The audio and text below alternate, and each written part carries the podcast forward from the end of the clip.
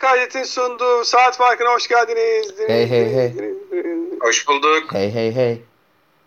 Ben Hey, Arda hey, Karaböcek, Özgün Akko ve Aras Bayram'la Hey, hey, birlikte playoff'ları, NBA playoff'larını konuşacağız bugün. E, İlk turlar neredeyse bitti. Bu gece belli olacak bir eşleşme var sadece. NBA. Batı'dan başlıyoruz. Özellikle Phoenix Suns Pelicans serisini konuşmak istiyorum ben şahsen. Çünkü dün gece çok acayip bir geceye tanık olduk. İzleyemedim maçı. Sonradan izleyebildim e, Chris Paul'un performansını. Tarihe de geçti kendisi. Aras Bayram konuşmayı reddettiğin takım biliyorum ama bu performans hakkında konuşmasak olmaz. İki tane Chris Paul'un harika performansı var bu seride. Nasıl buldun Phoenix'in performansını? Hala şampiyonluğun en büyük adaylarından biri olarak görüyor musun? Nasıl, nereye gidiyor bu takım? Ben konuşmayacağım. Özgün konuş. Bu kadar bu kadar net yani bu konuda. Valla gerçekten ben hala şampiyonluğun e, bilmem kaç adayından biri görmüyorum açıkçası. Yani bu performansa rağmen onu söyleyerek başlayayım. Yani e, çok acayip bir performanstı tabii. E, Chris Paul'un performansı ve şeyini koydu yani e, ağırlığını koydu. Neyin, Ama- neyin ağırlığını koydu? Masaya çıkardı ve vurdu. Ama iki maç önceki performansını da unutmayalım.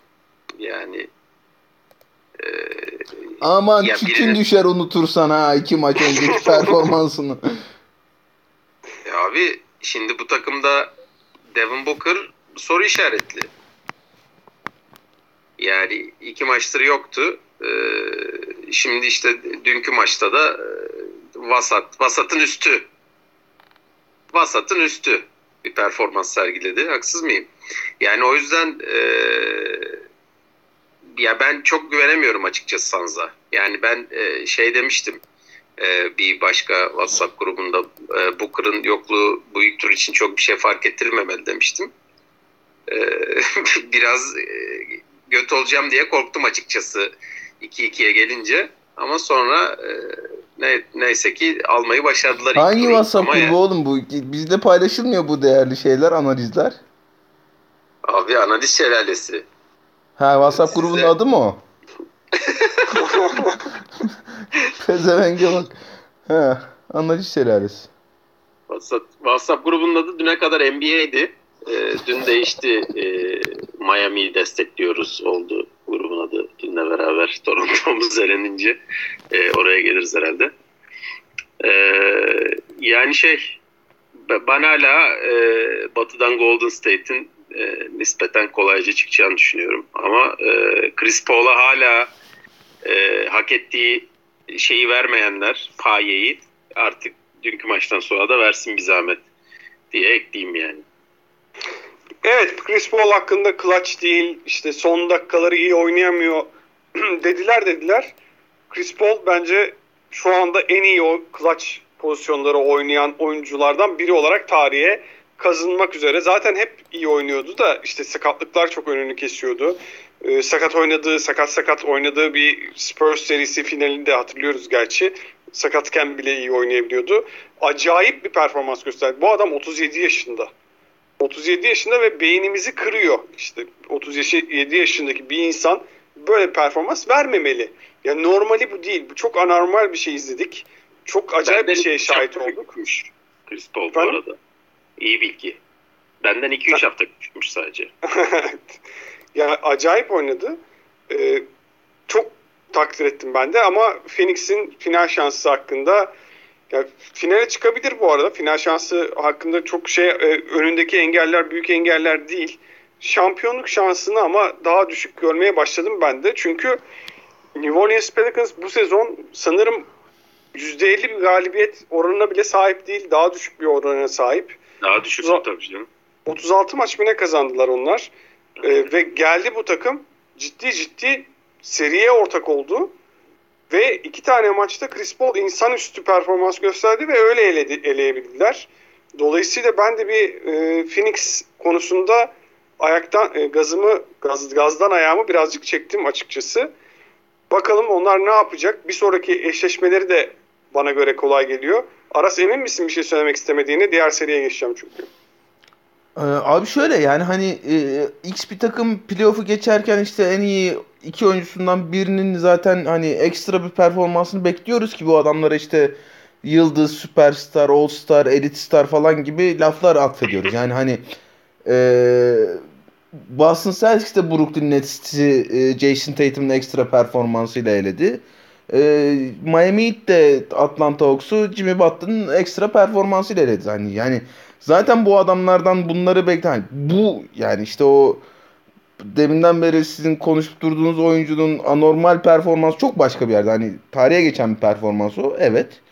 E, ama yani zaten hani e, bu takımlar işte e, Dallas Mavericks Luka Doncic'ten ekstra bir performans bekleyecek. Bu takımda bu iki oyuncusundan ekstra bir performans bekleyecek. Burada önemli olan Phoenix'le ilgili bir e, Brandon Ingram'ı durdurmakta çok zorlandılar son maça kadar. E, Monty Williams biraz geç kaldı bence o ayarı çekmekte. Neydi son maçta yaptıkları ayar? Bir Ingram'a e, bolca ikili sıkıştırma gönderdiler.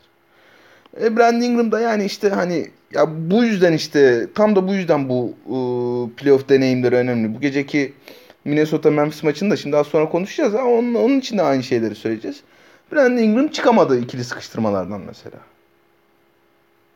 Ha bu niye 6. maça kaldı? Bir sonraki seri için Dallas serisi için e, bu bir sıkıntı yaratacak mı Phoenix için? Onu seriye gelince konuşuruz ama yani hani Phoenix iyi mi göründü? Şey kadar normal sezon kadar e, keskin göründü mü? Ya görünmedi elbette. Hani ben iki maç kaybedecek deseniz yok ya kaybetmez derdim. Hatta işte yani e, serinin başında Pelicans bir buçuk üst maç kazanır bahisi alsak muhtemelen işte 1'e 6 1'e 7 falan veriyormuştur diye tahmin ediyorum ben. Ama oluyor abi Devin Booker sakatlandı. İşte iki maç kaçırdı. Hani takımın en önemli hücum gücünün en önemli oyuncularından birinin yoktu. Ee, bir maç yazmış oldu. Burada esas önemli olan bir sonraki turlar için bir Monty Williams bu ayarlarda geç kalacak mı? İki e, normal sezon özellikle savunmadaki keskinliğine geri dönebilecek mi Phoenix? E, üçüncüsü ve en en önemlisi tabii ki Devin Booker'ın sakatlık durumu ne?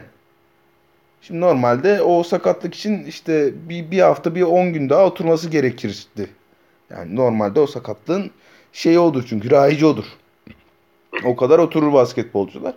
E, Devin Booker dönmek istedi. Hani çok iyi görünmedi. Evet ama yani bir tehdit olarak hani varlığı da çok kıymetliydi orada ki hani maçı da aldıkları son çeyrekte işte bir, bir buçuk dakika kala önemli bir üçlük de soktu. Ee, ama işte hani Devin Booker %100 performanslı oynamazsa önümüzdeki seri için e, Batı finali için ve NBA finali için başka şeyler konuş, konuşmak zorunda tabii ki. Aşırı tepkiler bölümümüz var arkadaşlar. Var mı? Evet şimdi aşırı tepki vereceğiz bu seriden yola çıkarak. Tamam. Aşırı tepkiler, aşırı tepkiler, aşırı tepkiler. Aşırı, aşırı tepkiler. Buradaki aşırı tepkiyi veriyorum ben şimdi. Tamam ben. Ee, bunun üzerinden bir değerlendirme yapalım. Ta, hepsine Diğer... sen sen mi vereceksin aşırı tepki yoksa bize de atacak mısın bazen? Bir tanesini ben söyleyeyim. So, işte bir sonraki seriyi sen söyle, bir sonraki seriyi Özgün söylesin diye düşündüm. Tamam dur bakalım becerebilecek Onu iki saniye önce düşündüm da. evet. DeAndre Ayton draft edildiği senenin en iyi ikinci oyuncusu. Aşırı tepkiler, aşırı tepkiler, aşırı tepkiler. Ha, Trey Young'dan mı iyi oldu bu durumda? Evet. Ha. Evet. Ee, yani itiraz etmem ben. Oo. Abi şöyle şimdi e, Trey Young'ın çok ağır bir defosu var. Yani hani Trey Young kadar savunma defosunu kapatmak için Trey Young'ın etrafını çok çok o role tam oturacak en az 3-4 tane oyuncuyla doldurmanız gerekiyor. Hadi Andre Ayton yani çok böyle işte ne bileyim kariyeri bitince işte Şeklerle, Alajvanlarla falan yan yana anlayacağımız bir oyuncu elbette değil. Onun da defosu çok ama e, en azından DeAndre Ayton'ın etrafındaki takım için Treyan kadar keskin hatlarıyla çizilmiş oyunculara ihtiyacınız yok. Yoksa yani hani e, şey demiyorum. Şu anda bir e, ne bileyim fantazi draft yapıyor olsak elbette Trey Young'ı alırız. Ama bir takım kuruyor olsak ben tahminim DeAndre Ayton'ı tercih ederim gibi geliyor bana. Bilmiyorum Özgün katılır mı? Yani ben e, herhalde öbürünü alıp sonra etrafına e, o defoyu kapatacak adamlar toplamayı tercih ederim. Ama e, anlayabiliyorum yani e, senin de nereden geldiğini. Bu arada DeAndre Ayton iki sene üst üste aynı e, sayıyı atmış. Bu da müthiş bir trivia olarak size vereyim. 997 sayı, sayı atmış iki sene. Ha, o kadar aynı. Ortalaması falan değil. Aynen.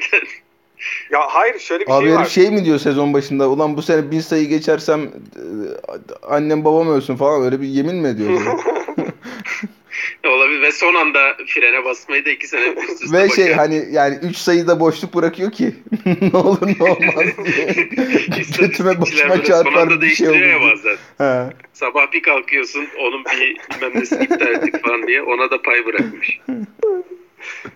Bu arada şu, şu şöyle bir durum var. DeAndre Ayton ilk sene draft olduğunda seçildiğinde ben beğeniyordum. Defansif e, defolarını da kapatacağını umuyordum çünkü çok atlet bir oyuncu.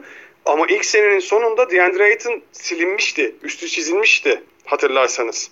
Oradan bu noktaya geldiğimiz için e, etkileyici bir performans olduğunu düşünüyorum. Ya ama şey konusunda söyleyelim. Yani e, o az önce bahsi geçen oyuncunun point guard olmadığı bir takımda da bir görmek lazım DeAndre Ayton'u böyle işte. Vaa Trey Young'a tercih ederim ben takım kurarken falan demeden önce sanki. Tamam. Geçiyoruz diğer seriye. Oh Dallas Utah serisine bambaşka geldik. bir seri. arkadaşlar. E, bu arada şu andaki bütün oynanan serilerde neredeyse hatasız gidiyoruz. En azından ben hatasız gidiyorum. Şey, en turu atlama konusunda. Bir tek Golden State yanılttı.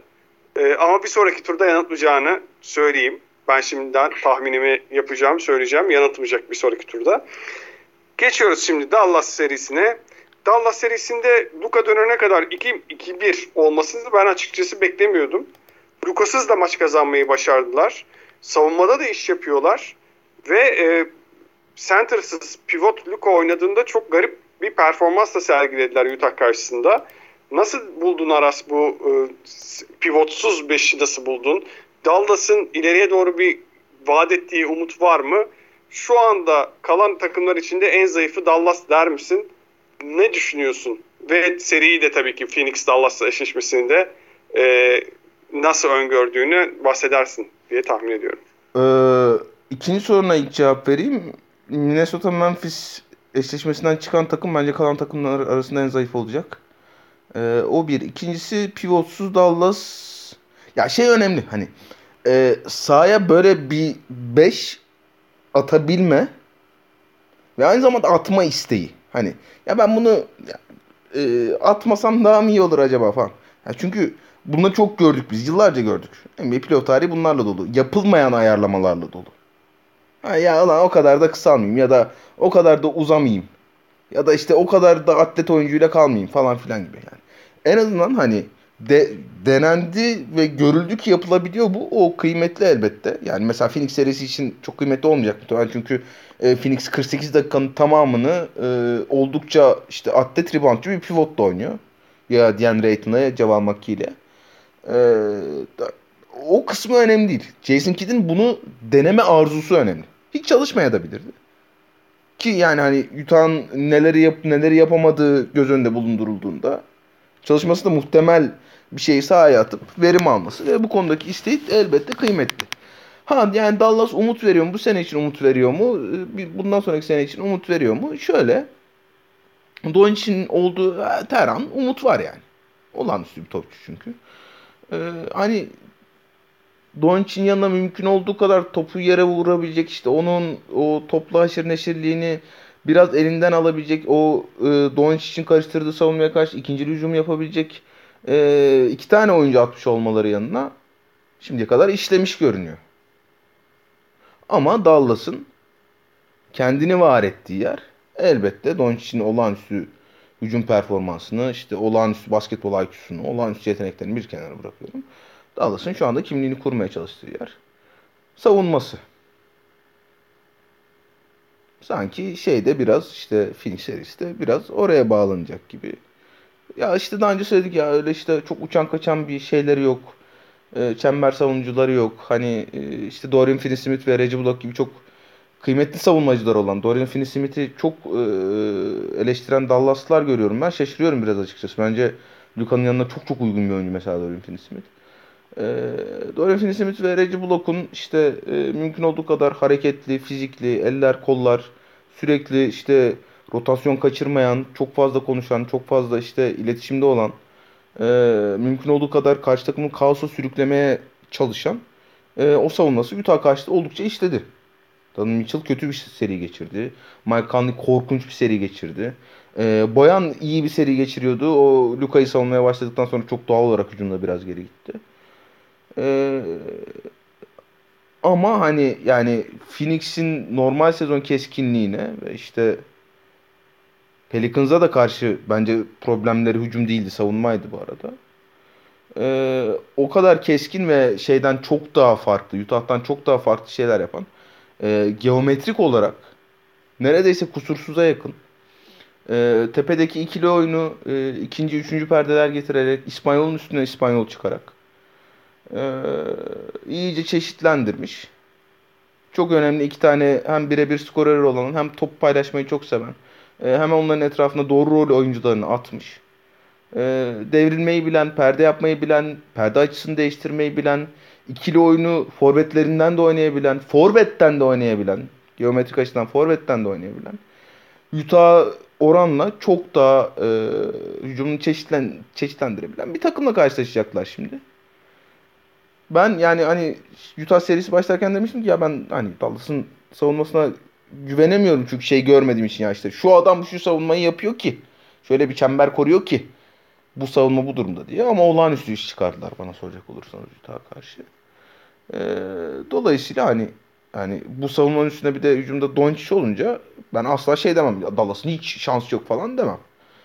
Ee, ama yani hani total kümülatif yetenek olarak e, şu ana kadar bir arada oynamışlık olarak geçen seneki e, finale yürüyüşten gelen deneyim bu sene ve geçen seneki olağanüstü normal sezon sonrası eğer Devin Booker'ın herhangi bir sakatlığı yoksa Phoenix bence bir adım önde görünüyor. Tahmini de alalım hemen. Ee, 4-2 Phoenix. 4-2 Phoenix tamam. Özgün sen nasıl buldun Dallas'ı? Bir heyecan verdi mi? Oyun tarzları etkiledi mi seni? Jalen Brunson'ın per- performansı hakkında ne düşünüyorsun? Yani Dallas ya çok beklediğimiz gibiydi bana sorarsan. Yani bu seri de 3 e, aşağı 5 yukarı herhalde hepimiz buna benzer bir e, son tahmin etmişizdir diyeceğim. Gerçi şey Aras Yo. Yok diye Utah geçer demişti değil mi? evet. Ama ben herhalde 4-3 Dallas demiştim diye hatırlıyorum. Yani Dallas şeyde e, çok daha sağlam bir şey koydu mesela. Onun hakkını verelim. Yani Doncic'siz maçlarda e, çok daha sağlam yürek koydular maça. E, dediğin gibi Brunson hakikaten e, büyüdü yani. E, sene boyunca büyüdü. Playoff'larda da aynen kaldığı yerden devam ediyor. E, o açıdan yani etkileyici şey bir takım. E, yani çok e, dar bir rotasyonla ama herkesin e, rolünü oynadığı, gayet tıkır tıkır oynadığı. E, dünkü maçta mesela felaket üçlük atarak başlamıştı. Gerçi iki takım da öyle başladı ama e, şey yapmadılar yani bizim e, olayımız bu deyip e, yılmadılar. Sonradan bayağı e, üçlükler girmeye başladı. E, yani ben Dallas mı daha güçsüz Memphis mi o konuda çok net karar veremiyorum. Ama e, yani muhtemelen o iki takım da zaten bu turda elenecek gibi geliyor bana. O yüzden çok da önemli değil yani. Ama yani şey e, bu tur şeyime gelirsek de evet, ben de 4-2 Phoenix diyeceğim. Peki aşırı tepkiniz var mı arkadaşlar? Dallas Utah serisinden çıkan. Aşırı tepkiler, aşırı tepkiler, aşırı. Aşırı tepkimi bir, bir ha o tamam çok iyi. Öyle. Sıra Özgün'deymiş. Jalen Brunson e, o kendi draft e, grubunun dördüncü iyi oyuncusu. ya da beşinci. üç, değil, üç diyelim bari. Üç. Üç nereye diyorsun oğlum? Sen zaten şeyi öbürünün üstüne koydun. tamam Trey, bunu da koyuyoruz. Trey Young'un Bunu da üstüne. mı Trey'in üstüne koyalım? Oldu olacak. Tabii canım. Ama aşırı tepki oğlum. Abi Jackson üstüne ko- koymak bile aşırı tepki gibi yani. Tamam. Ee, Brunson dedin aşırı tepki olarak. Dördüncü mü dedin? Dördüncü he. Ee, ya Jaren Jackson Jr. sahada kalabilse, o sorunu bir çözebilse bir de yani çok fazla hakikaten onun da e, hem sahada kalma sorunu var. Onu tabii Memphis serisinde konuşuruz. Hem de rebound sorunu var. Üçlük girmedi mi hücum sorunu var. Dolayısıyla ben Brunson'ı tercih ederim açıkçası. Aras sen ne diyorsun? Ee, katılmıyorum abi. Ya şimdi şey falan Memphis- diye soracaksın bana. Ben Memphis yani Minnesota serisini. draft serisinin draft sınıfındaki be- benim ya Jalen Brunson'ın ben o draft sınıfında olduğunu bilmiyordum. Ee, hani 5. oyuncu söyle desen evet Jaren Jackson gelirdi aklıma. 6. da muhtemelen Marvin Bagley yok bitti bende zaten. Evet zaten. Şey de var. Bizim Toronto'muzun geri Trent'i de var o draft e, sınıfında. Çok iyi. Oha Gary Trent bana sorsan daha yaşlı bu arada. Aa gencecik çocuk ya. Evet, Peki. Sonuçta anlaşamadık Brunson hakkında. Ben aslında şey burada e, beklediğim aşırı tepki Utah üzerindeydi. Ben öyle yapacaktım zaten de aşırı tepkime onu ona emin olamadım. Evet bekliyoruz. Aşırı tepki Dağıtsınlar bekliyoruz abi Utah bütün üzerinde. takımı. Tamamını dağıtsınlar. Dağıtmıyorlar mı zaten? Abi yani mı? hayır ya onlar muhtemelen Rudy Gobert Donovan Mitchell'dan birini seçecekler. Ben diyorum ki yani hani Rudy Gobert'in Donovan Mitchell'ı Sıfırlasınlar diyorsun. onları geçtim. Yani ikisini birden zaten takaslasınlar. Hatta onları daha irite etmek için aynı takıma takaslasınlar. Ee, Muazzam olur ya. Çok çok güzel olur. abi Quinn Snyder de şeyse yani sözleşmesi devam ediyorsa hocanın hocayı da pik karşılığında takaslasınlar. Öyle dağıtsınlar. Yok yani ben nefret ettim ya. Evet, Vallahi nefret ettim. Hele şeyi izlediniz mi 5. maçı? Bir, bir önceki maçım yok. Ha hayır. ş- 30 sayı mı ne attılar? Ya üf, Ya, yok 25 abi yutan mutan konuşmayalım gözünü seveyim. Saat kaç 12 olmuş. Hadi devam ya. Tamam devam edelim. Ee, bu arada Bogdanovic'in kaçırdığı üçlük de olacak bir şey değildi. Ya potaya gitseydi falan diyorlar. Abi, evet. Potaya gidilmez o pozisyonda ya. Yok gidilmez abi. Üçlü, bu bomboş üçlük Bogdanovic'in elinde. Abi zaten Atacaksın NBA'de onu. orada potaya gitmeyi falan kimse düşünmüyor artık da. Ya Bogdanovic'sin bomboş üçlük yani orada artık daha neyi atacaksın ki bunu atamıyorsan? Evet çok. Ve Yani çok de kötü, yani içinden kötü bir anda çıkmadı yani. Pataküte böyle çarptı çıktı yani rezaletti. Aras'ın şey dediğini hissediyorum şu an. 12 oldu saat kardeşim devam. Evet devam ediyoruz. Golden State Denver serisindeyiz. Burada Denver bir maç almayı başardı. E, son maçı da ucu ucuna kaçırdılar. E, kaçırdıkları serbest atışlara yansınlar öyle diyeyim. Jordan, e, Jordan Poole çok kötü bir maç çıkardı. İşte savunmada zorlandılar. Hatta Kevin Looney'i almak zorunda kaldılar. Death lineup dedikleri yeni death lineup zorlandı. Denver üzerinden pek bir okuma yapamayız ama Golden State şu anda şey gibi görünüyor. Finalin e, uzmanlar adına finalin en büyük adayı olarak görünüyor. Bana öyle bir his vermiyor. Aras sen ne düşünüyorsun Golden State'in performansı ve seri hakkında? Abi yani Golden State e, iyi göründü. Eyvallah. Onu bir kenara koyalım. Şimdi bizim Golden State Warriors'ı ölçeceğimiz takım Denver Nuggets mı? Ben yani seri başında da beni en çok meraklandıran konu buydu. Çünkü şimdi e, iki tane yıllardır işte defosu var şeyin. Üç olsun. E, birincisi şimdi sayıyoruz abi işte. E, deadline up tamam. E, Curry, Poole, Thompson, Wiggins, Draymond Green. Bir de Kevin ile başlıyorlar. Öyle böyle bir şekilde bir rotasyonun parçası. Yani hani zorda kalırsan 8. adam olarak işte 15 dakika oynatırsın şampiyonluk takımında belki o da. Tamam ama öyle böyle rotasyonun parçası. En azından akarı kokarı olmayan bir adam. Yani ister misin fazlasını bir şampiyonluk takımı için? E, elbette istersin ama tamam 6. Yani 7. 8. adamlar kim? Şimdi Denver'a karşı ihtiyacın olmuyor. Çünkü onlar Denver'da da yok. Denver'ın 4. 5. 2. 3. adamı var mı? O bile soru işareti. Şeye bakıyorlar çünkü Montemoris bugün 4-3'lük atacak mı? Bones Silent gelip bench'ten 20 sayı atacak mı? İşte bugün Aaron Gordon'a bir basketbol IQ'su yüklenmiş olarak uyanacak mı? Yoksa geçen günkü salak mı hala falan diye böyle birbirlerine bakıyorlar. Dolayısıyla hani Denver e, Golden State Warriors'ın derinliğini ölçüşen bir takım değildi. İkincisi e, Denver bu Jordan Poole için de geçerli olacak. Ki onu biraz daha fazla denediler hatta bana soracak olursanız. Denver e, hem Curry'i hem Poole'u eğer Poole bu süreleri almaya devam edecekse ama özellikle de Curry'i fiziksel anlamda zorlayacak, yıpratacak, e, Curry'e karşı işte mismatch kovalayacak, perdelerle, çeşitli aksiyonlarla işte onu switch'e zorlayacak. Sonra onu e, ha, yüksek posttan, alçak posttan birebir itişle, kakışla bozmaya çalışacak bir takım da değil. Yani ne öyle bir deneyimleri var, ne ellerinde öyle fizikli bir oyuncuları var, ne de öyle bir hücum sistemleri var zaten.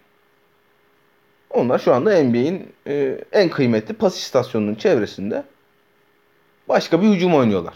Hiç işleri yok öyle işin hücum kısmında fiziksel itiş kakışta birebirle cartla curtla falan. Ki normali bu. Yani hani Nikola Nikolayok için oldu takımdan onu istersiniz zaten. Ama bu Golden State Warriors'ı zorlamadı. Son olarak e, geçtiğimiz işte o 2015-2018 arasına göre e, biraz daha iyiler belki bu konuda ama biz o zaman da söylüyorduk. Şimdi de benzer bir durum var.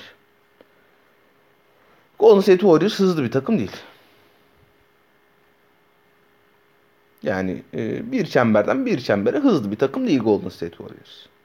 Onların o hız dezavantajını e, zorlayacak. İşte çok fazla geçiş, yarı geçiş, her rebounddan sonra tempo kasacak. Böyle haldır huldur karşı çembere gitmeye çalışacak. Bir takım da değil Denver Nuggets. Yani e, Nikola Jokic'in attığı anormal outlet pasları hariç ne öyle işte şey e, zaten Jeff Green Aaron Gordon başladı. Onu da hiç değiştirmedi. Yani biraz anlıyorum onu hani fiziksel olarak en azından üstün kalayım sahada istedi başlar başlarken ama yani Jeff Green 3 numara başlıyor. Hani pozisyonu için en yavaş oyunculardan biri. E, Will Barton hiçbir zaman dünyanın en iyi atleti olmadı. E, Montemoris de öyle. Aaron Gordon tamam yani o da atlet şeyi için e, pozisyonu için. Ama yani o da dünyanın en zeki geçiş oyuncusu falan değil. Ki ona da rebound için ihtiyaç duyuyorlar. Yani Bones Island biraz öyleydi ki onda nasıl bir seri geçirdiği malum. Yani Golden State Warriors'ı şuradan işte biraz zorlayabilirsin dediğin 3 alanda da Denver test etmedi edemedi Golden State Warriors. Dolayısıyla yani hani e, uzmanlar uzmandır. Yani sen uzman diyorsan herhalde bir buna dair bir yetkinlikleri vardır ki öyle diyorsun. Uzmanlar şey görüyormuş. E, en büyük final adayı görüyormuş Golden State Warriors'ı. Ben sadece şunu merak ediyorum. Olabilir. Olabilir. Dead line-up. Yani işte ilk maçta 33 sayı fark atmış. ikinci maçta 48 sayı fark atmış. Olabilir. Tamam. Ama yani bu üç temel noktada Golden State Warriors'ı zorlamamış bir takıma karşı oynanmış 5 maçtan sonra mı şey oldu bu takım en büyük final adayı oldu onu ben pek anlamadım ama onlar uzmandır. O yüzden bizden daha iyi bilirler diye tahmin ediyorum. Onlar da aşırı tepki vermiş diyorsun. ya, ay o şey e, anlamadım sadece nedenini. Evet Özgün sen nasıl buldun Golden State'i? Keyif aldın mı maçları izlemekten özellikle? Valla bahseden uzman ben olabilirim. Ben e, aday Golden State'i görüyorum açıkçası. E, ya bana e, açıkçası gerçekten hiçbir takım güven vermiyor. Yani e, ya şu batıya baktığım zaman yani işte Mavericks'i az önce konuştuk zaten. Yani Raras dedi Grizzlies tarafından çıkan bence dedi en zayıf takım olacak dedi. E, onu da çizdik.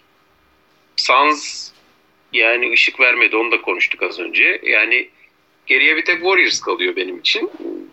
Bence e, ya batıdan nispeten rahatça e, Warriors çıkacak gibi duruyor yani finalin Ee, yani şu anda baktığım zaman ve Doğu'yu da içine katarsak e, finale çıkma ihtimali en yüksek olan takım bence Warriors. Ha, finale çıktıktan sonra ne olur? Onu ayrıca konuşuruz oralara gelince ama e, bana şu anda e, açıkçası böyle geliyor mevzu. Maçları izlemekten keyif aldım. Zaten ya ben e, yok hiç izlemekten özellikle keyif alıyorum. Bu Golden State'i izlemek de çok keyifli bence şu anda.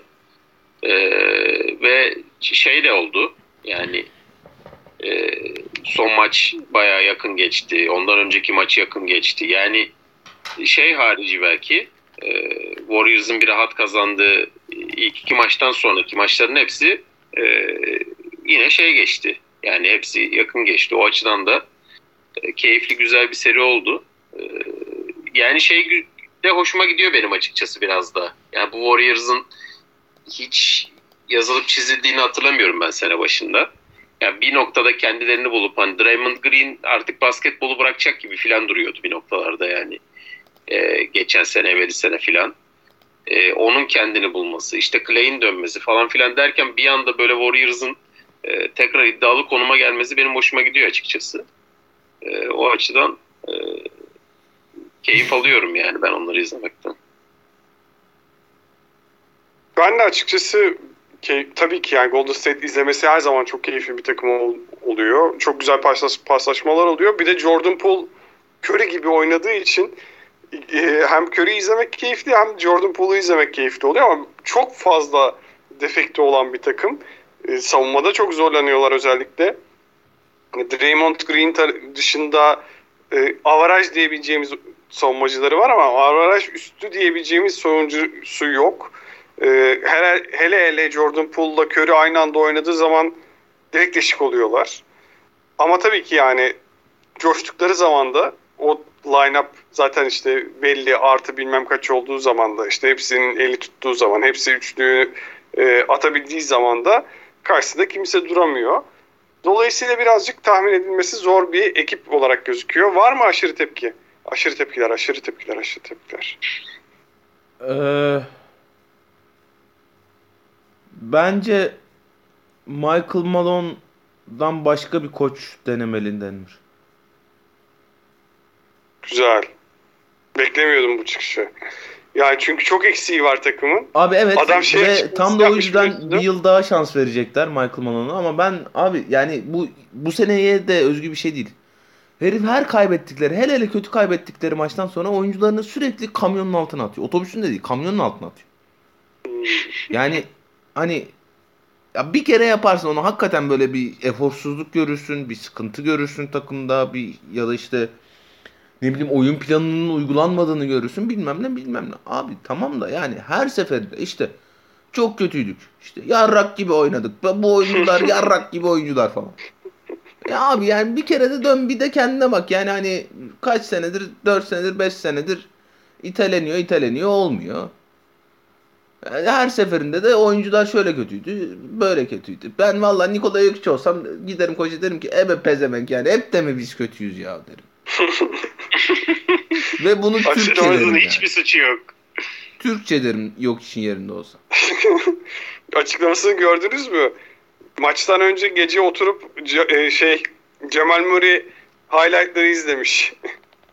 Özlemiş Kim? adamı. Mike Malone. Ha. E, Abi Cemal bayağı... Murray'i ben de özledim yalnız.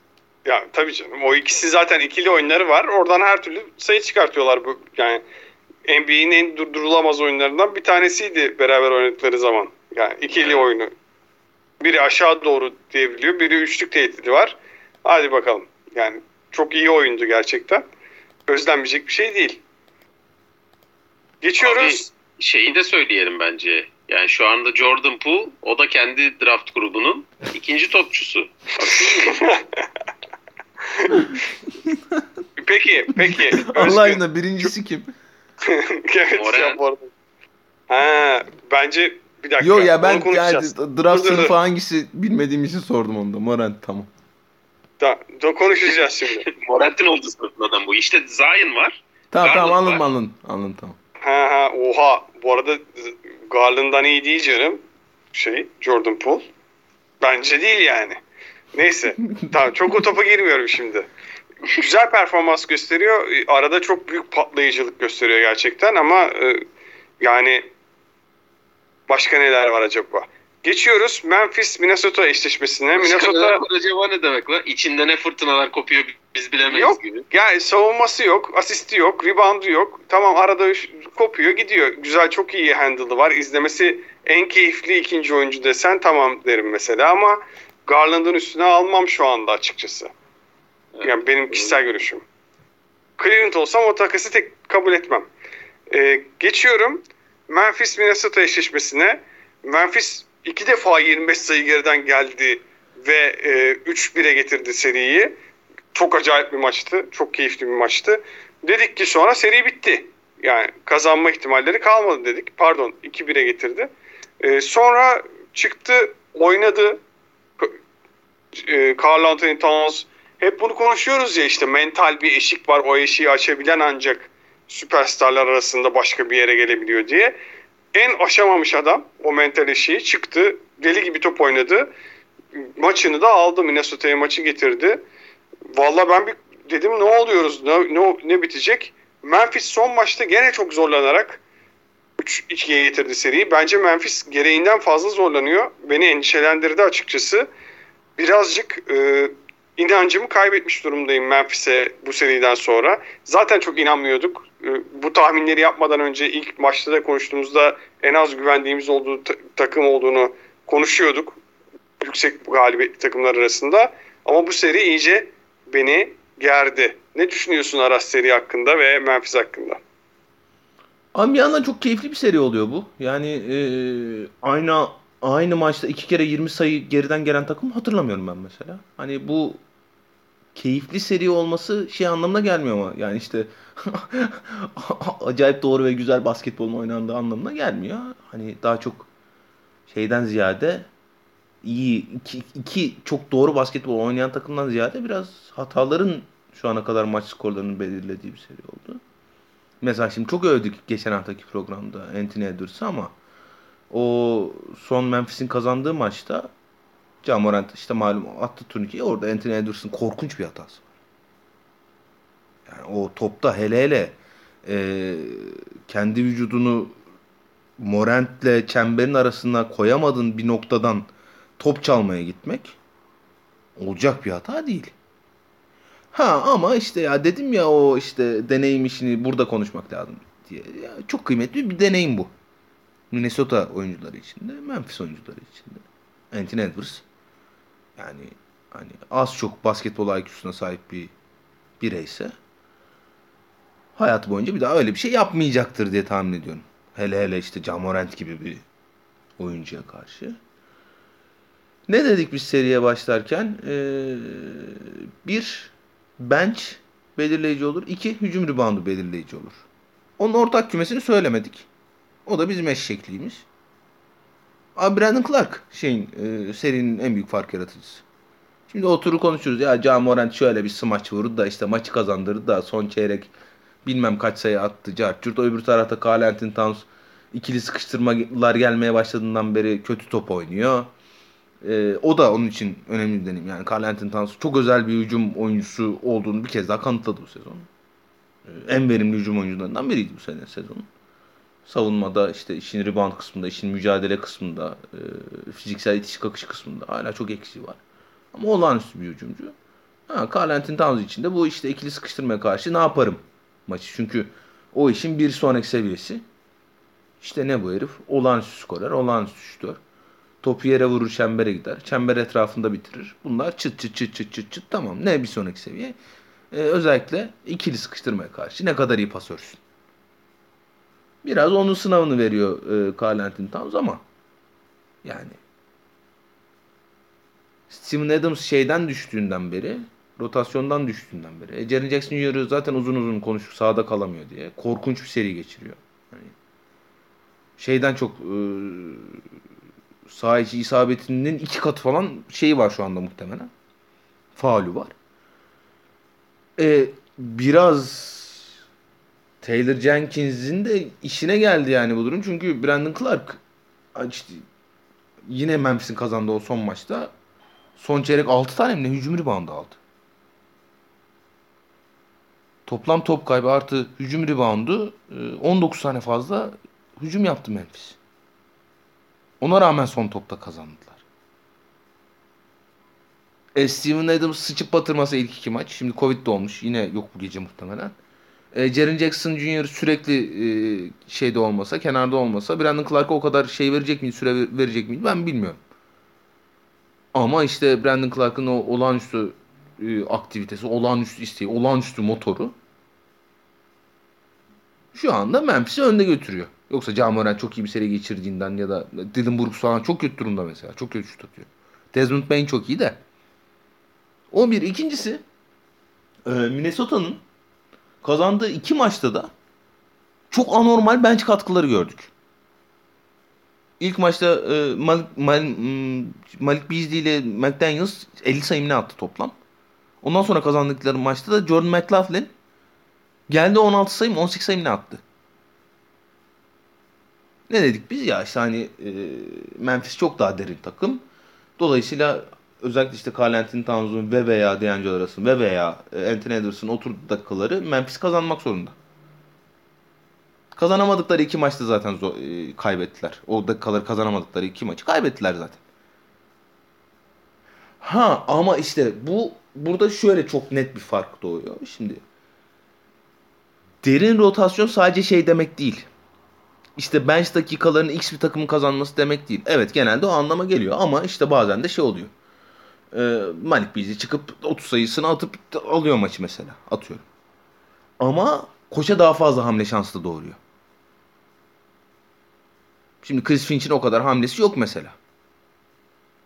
Ama Taylor Jenkins'in çok fazla yapabileceği hamle var. Brandon Clark'la başlayabilir. Jaren Jackson Jr.'ı kenardan getirebilir biraz daha faal işini korumak için. Dylan Brooks atıyorum. Yapmam ben de. Dylan Brooks'u oturtup Kyle Anderson'la başlayabilir. Çok kısa 5'te Kyle Anderson'ı 4'e Brandon Clark'ı 5'e atıp başlayabilir. Ya da işte Zaire Williams'ı atabilir sahaya. Atıyorum sallıyorum. Tyus Jones'u çok iyi bir seri geçiriyor Tyus Jones ve Ja Morant'i çok rahatlattı. Tyus Jones'un varlığı. Tyus Jones'u atabilir Ja Morant'in yanına.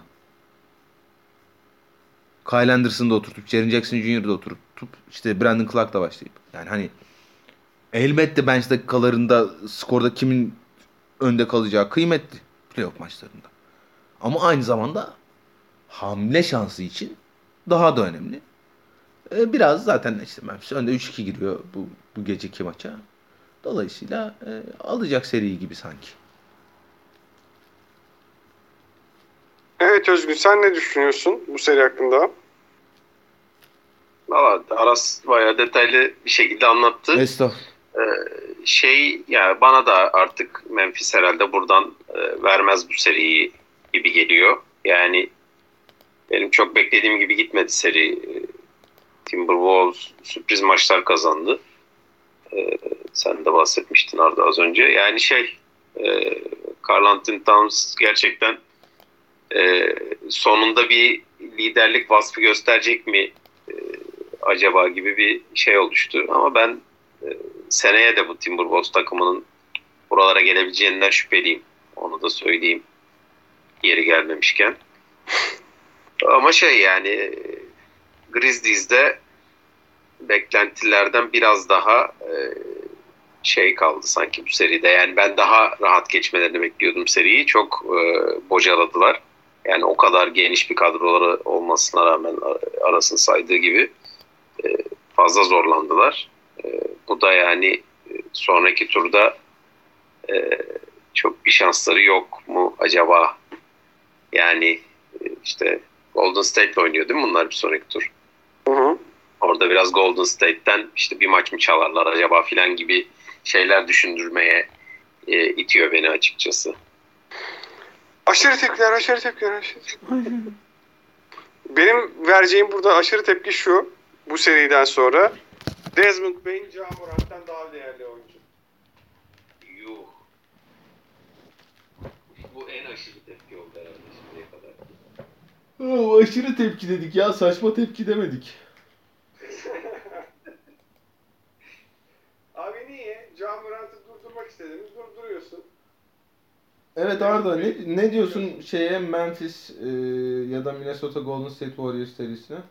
Ee, Memphis Memphis'i ya iki türlü de ben tabii ki e, kim gelirse Golden State'i geçer diyeceğim ama yani ciddi anlamda yorum yapmak gerekirse Estağfurullah. Minnesota'nın Minnesota'nın biraz daha zorlayabileceğini düşünüyorum. Yani Carl Anthony Towns tipi, işte DeMarcus Cousins tipi, peak'indeki DeMarcus Cousins, Anthony Davis tipi oyuncular her zaman ters geliyor Golden State Warriors'a.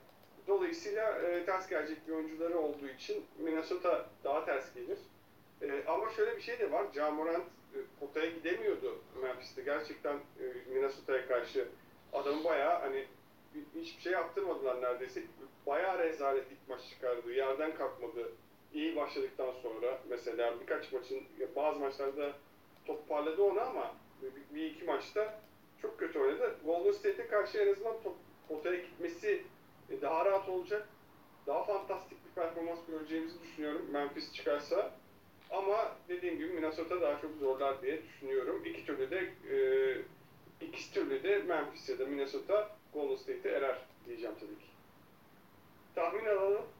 Aras. Bu arada Brandon Clark da e, az önceki F sınıfının adamıymış ya. Demek ki hakikaten onlar artık e, seri belirleyicisi olmaya başladılar diyebilir miyiz?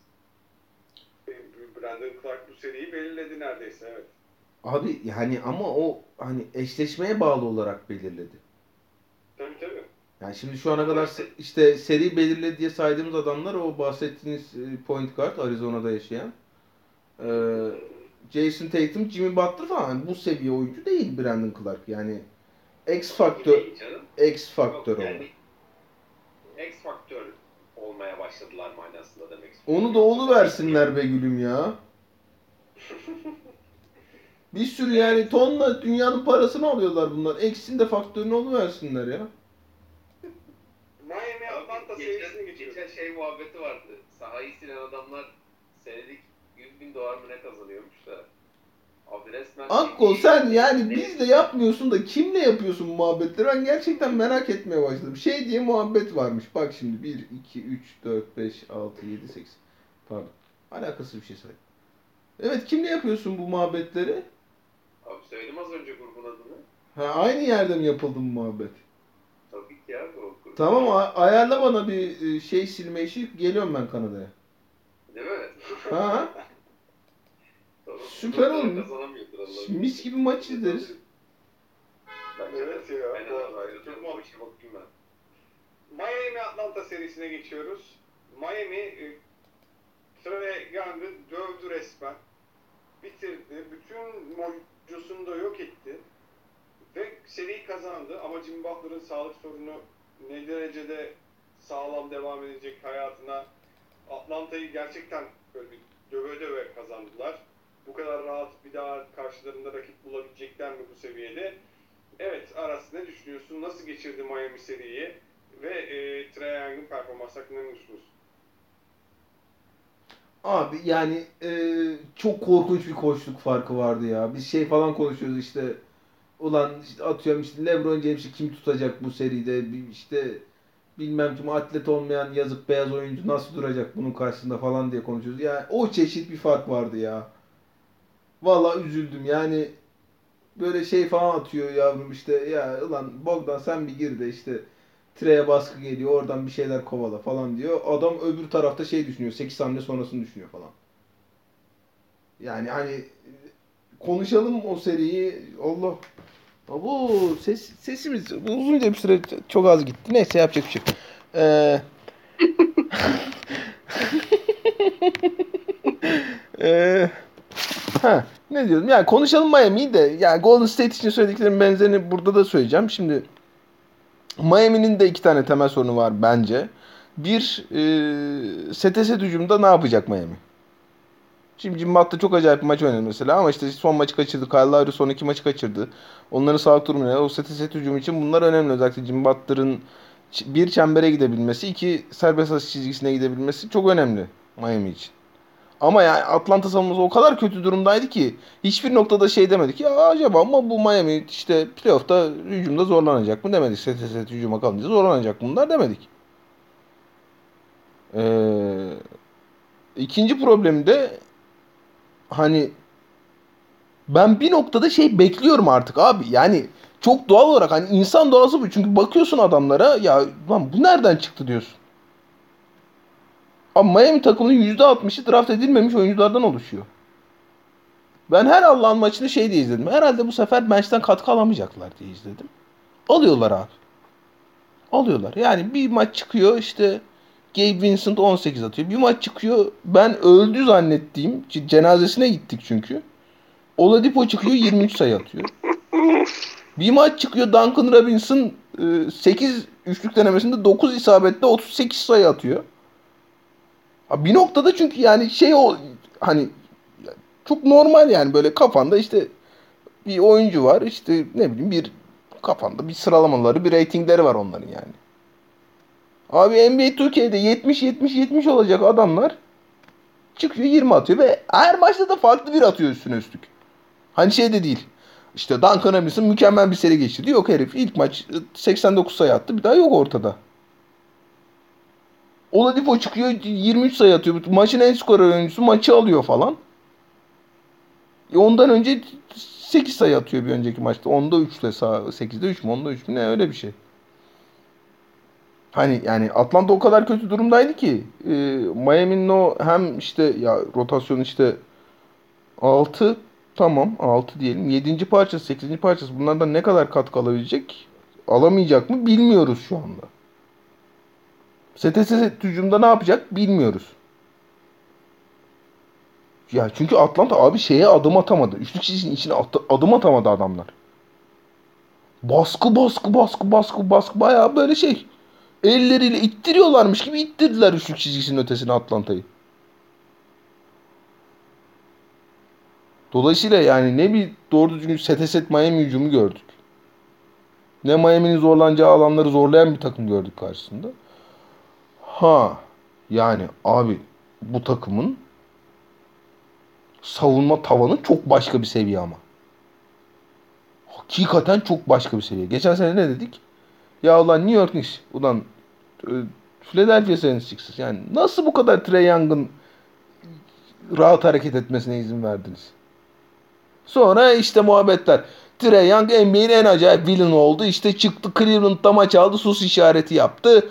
Geçen sene New York Knicks'i eledi. Ondan önceki ondan sonraki seride de Ben Simmons'lı, Doug Rivers'lı Atlanta'yı eledi. Villain oldu bana. Ulan iki baskı gördü diye şeyin içine üçlük çizgisinin içine giremeyip onda üç üçlük atıp maçı bitiren villain mı olacak bana? Kimler kimler villain oldu bu şeyde NBA tarihinde? LeBron James de bu ligin kötü adamıydı. Kevin Durant da bu ligin kötü adamıydı. Bilmem kim de bu kimin kötü adamıydı. Yani hani onların yanına koyacak mıyız biz şimdi Trey Young'ı Cleveland'da karşı play-in maçı kazanıp sus işareti yaptı seyirciye diye. O işler o kadar kolay olmuyor. Ha ama yani Miami'yi takdir etmek lazım. Olağanüstü bir organizasyon. Olağanüstü bir koç. Her sene yapıyorlar aynı bok. Ben yıllardır söylüyorum abi. Ben ben vallahi şey olsam, GM olsam Miami'den oyuncu boyunca almam ha. Ben oynatamam öyle çünkü imkanı yok. Josh Richardson acayip bir sezon oynadı 3 sene önce. Ortada yok herif 3 senedir. Al şimdi Duncan Bench warmer oldu adam ya. Al şimdi Duncan Robinson'ı şeye falan koy, New York'a falan koy. Dakika göremez abi. Vallahi göremez. Gabe Vincent adını unuturuz. Max Strus adını unutmayız. Çünkü enteresan bir adı var. Ama yok yani. Çıkıyor bir çıkıyor biri 20 atıyor öbürü şey Trey Young'ı mahvediyor bütün maç. Vallahi helal olsun. Çok gerçekten benim iki sene, üç senedir Bubble'da dahil edeyim. En takdir ettiğim takım NBA'de.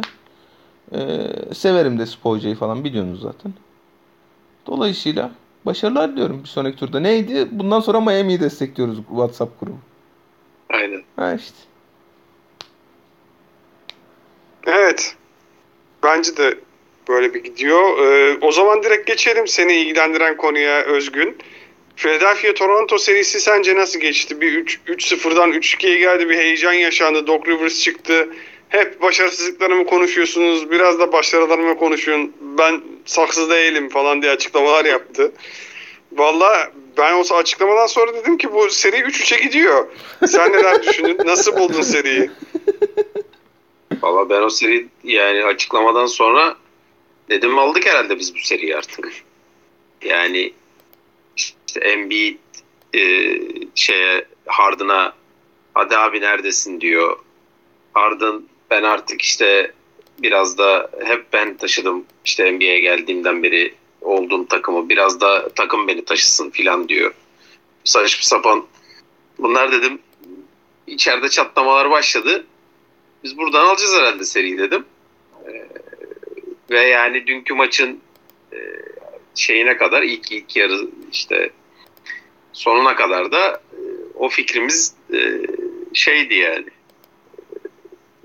bakiydi ama sonra olaylar çok farklı gelişti tabii. Ee, ben işte serinin başında da aslında güveniyordum takıma. Sonra 3-0 olduktan sonra baya e, yıkılmış e, durumdaydık ama e, şimdi en azından e, 3-2'ye getirdiler. Yani Raptors'ın yani birçok takım konuştuk şimdiye kadar. Yani e, Aras dedi işte seriyi geçen adamlar hep e, yıldızlarından ekstra katkı alıyorlar e, dedi işte. Yani Raptors'ın öyle bir yıldızı yok. Yani maalesef yok. O yüzden e, bu kadroyla bu kadar. Yani işte şey gibi o Bad Boys Detroit takımı gibi e, bir takım oyunuyla bir yere varmaya çalışıyor takım. O da yer yer çok fena lastik patlattırıyor. Yani bir tıkanıyor takım. Oradan çıkaracak adam yok işte. Hani Rookie of the Year'la filan e, bir yere kadar oluyor bu işler. Yani Fred'in yokluğu bu seri için biraz uygun gelmişti bize aslında. Yani Aras bahsetmişti sahaya 5 tane e, forvet atıyor e, öyle oynuyor diye. Hakikaten öyle oynayınca biraz da 3-2'ye getirebilmiştik seriyi. Hani o, o yüzden Fred'in yokluğu biraz işimize gelmiş gibiydi ama işte yani o da olmayınca hakikaten e, sayı atma konusunda çok kısır bir takıma dönüşebiliyor hızlıca. E, yani en azından geçen seneden sonra Raptors bu sene de mi playoff yapamayacak gibi bir soru vardı. Hani e, Onları da götüne girsin bu playoff. Onların da götüne girsin bu playoff. yani e, şey gibi süpürülmedik. E, bir eski oyuncumuz e, bir tweet attı görmüşsünüzdür. Gülen surat 8-10 tane. Onun içinde bulunduğu takım gibi süpürülmedik. Şeydir yani bunu alır yolumuza devam ederiz ama tabii yani bu takımın daha ciddi yerlere gitmesi için işte o zamanında gelen Kavay eklemesi gibi işte Jimmy Butler falan gibi bir öyle bir oyuncuya ihtiyacı var. O çok net anlaşıldı yani. Ulan 10 dakikadır Brooklyn Nets'teki eski Raptors'da kim diye düşünüyorum. Takıldım. Buldun mu? Dur bul, bulurum da. Tamam siz devam edin ben buluyorum. Sen, sen, sen. Tamam şeyi İyi de oynadı seride. Ee, bu seriyle ilgili aşırı tepki alalım senden Özgün. Aşırı tepkiler, aşırı tepkiler. Ya aşırı tepki Siakam'dan olmayacak abi. Oo. Yani ne olmayacak? Oo, hiç beklemediğim bir tepki. Ya aldığı maaşa e, şey bir oyuncu olmayacak Siakam. O, o bence artık anlaşıldı. Ya yani o, o kadar maaş alan oyuncular arasında en vasat 2-3 tanesinden biri olacak. Belli, belli oldu diye düşünüyorum. Maaşını bilmiyorum gerçi onun da. Ya 4 sene 168 milyon mu ne öyle bir maaşı var yani. Hmm. Ma- max gibi bir şey o zaman. Almost max mı ya da max belki de yani öyle bir maaşı var. Hmm.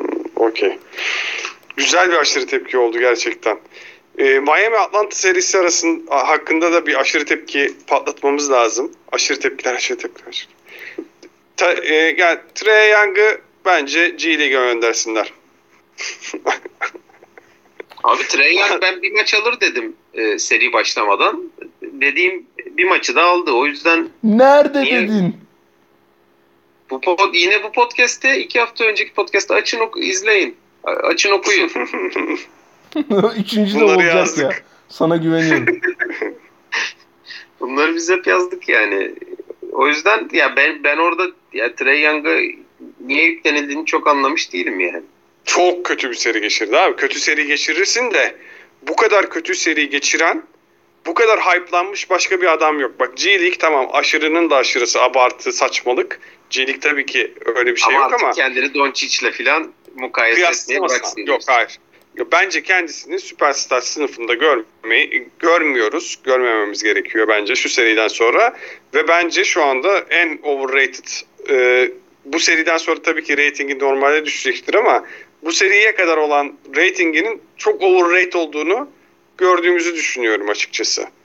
Ya bu arada çözebileceği sorunlar olduğu e, olabilir.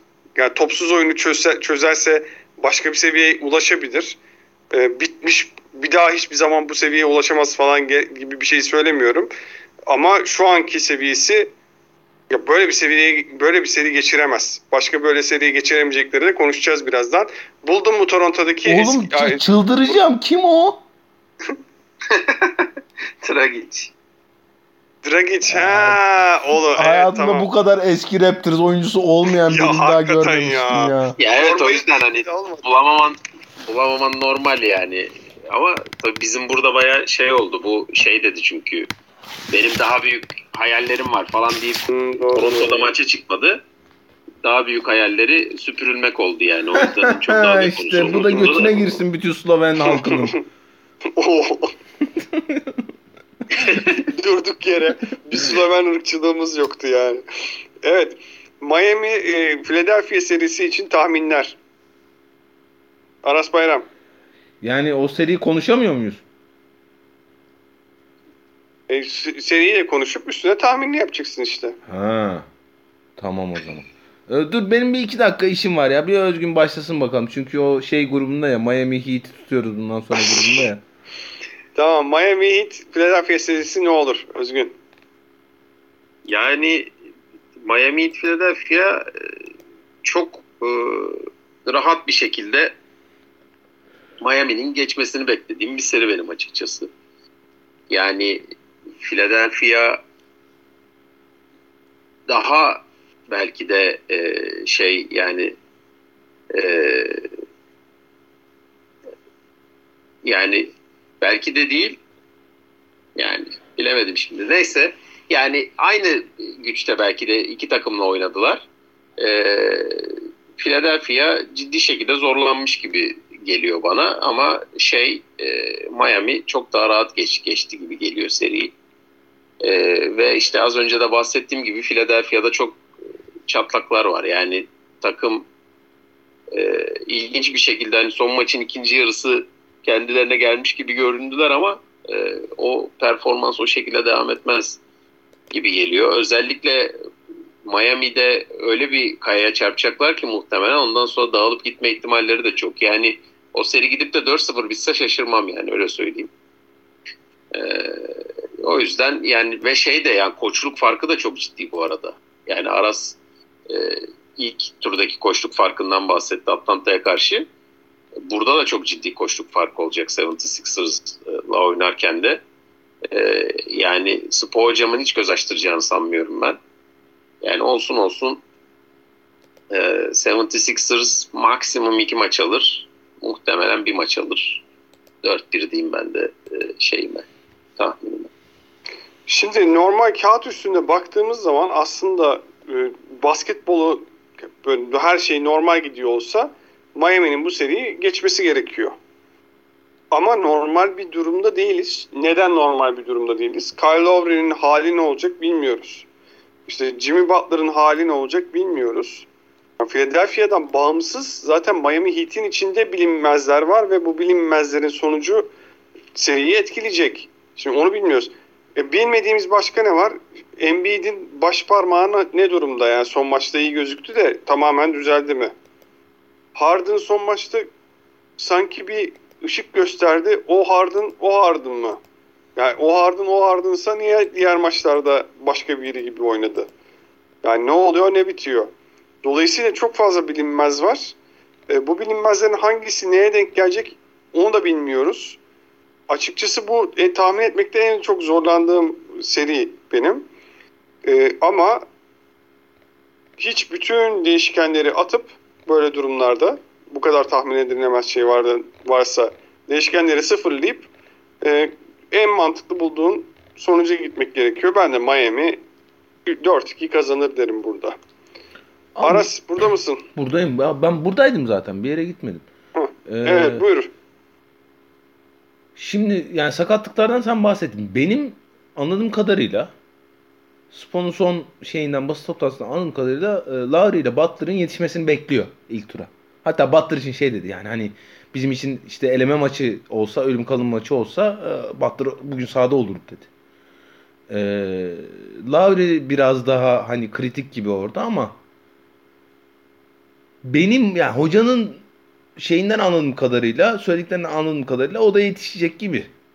Joel Embiid'in durumunda açıklayınca Joel Embiid'in e, şeyinde kopma var. Baş parmağında kopma var ve şey e, düzelmeyecek o. Ameliyat gerekiyor onun düzelmesi için ama daha da kötüye gitmeyecek. Kopmuş çünkü oradaki bağ.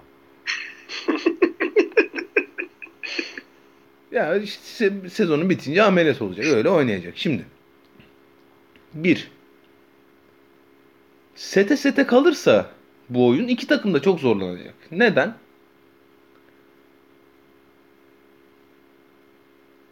Philadelphia'nın en büyük hücum gücü öyle ya da böyle istediğiniz kadar işte James Harden ya Tyrese Maxey çıktı da bir maç 38 attı da nasıl bir topçu da işte playoff'un parlayan yıldız da hır hır hır bilmem ne carçur işte James Öyle Harden. ama hakikaten değil mi? Öyle öyle tabi.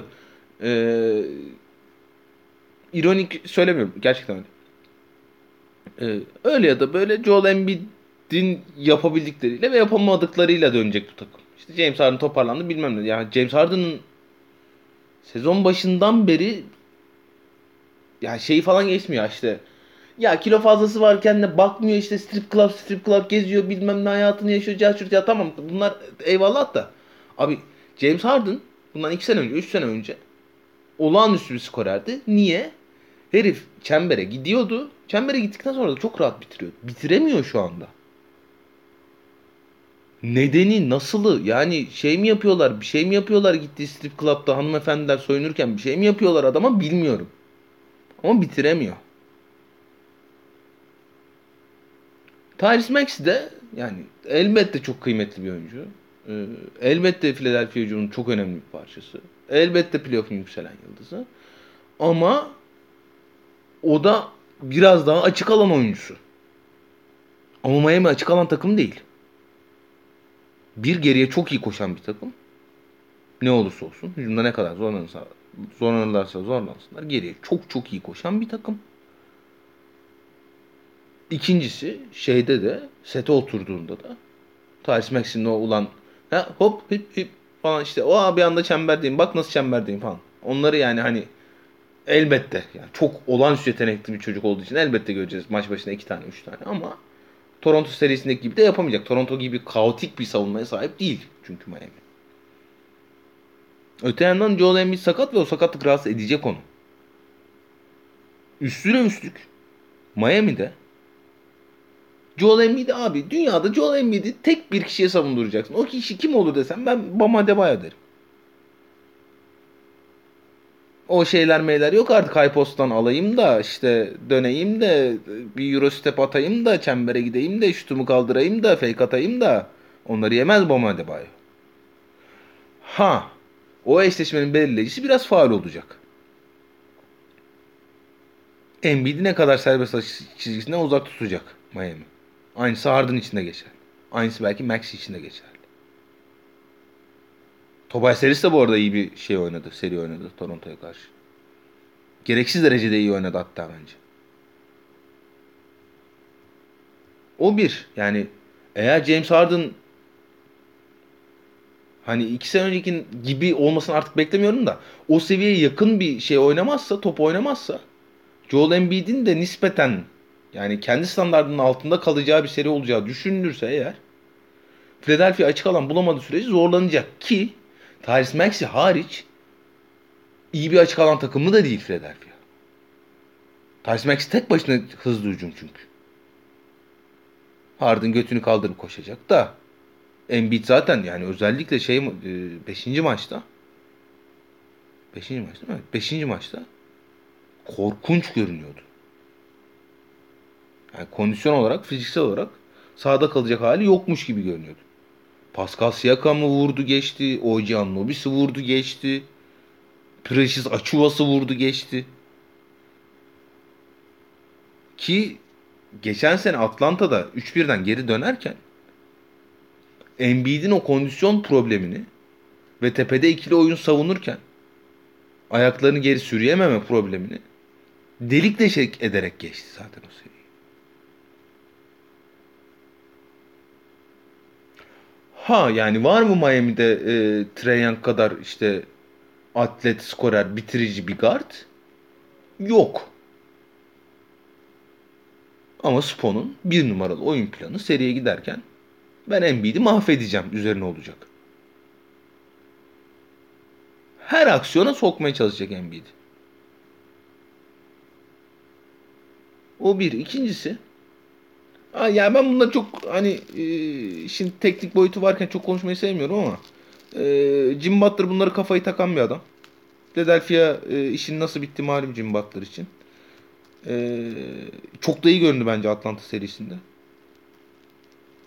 Miami hücumu içinde Jim Butler'ın efektifliği bir. İkincisi serbest atış çizgisine ne kadar gidebileceği. Çok önemli olacak. Savunmadan ne kadar hücum üretebildiği Miami için. Çok önemli olacak. Onlar da yani savunmada mümkün olduğu kadar sete kalmak isteyeceklerdir. Hücumda mümkün olduğu kadar kalmamak isteyeceklerdir. Ama e, Miami'nin hücum şemaları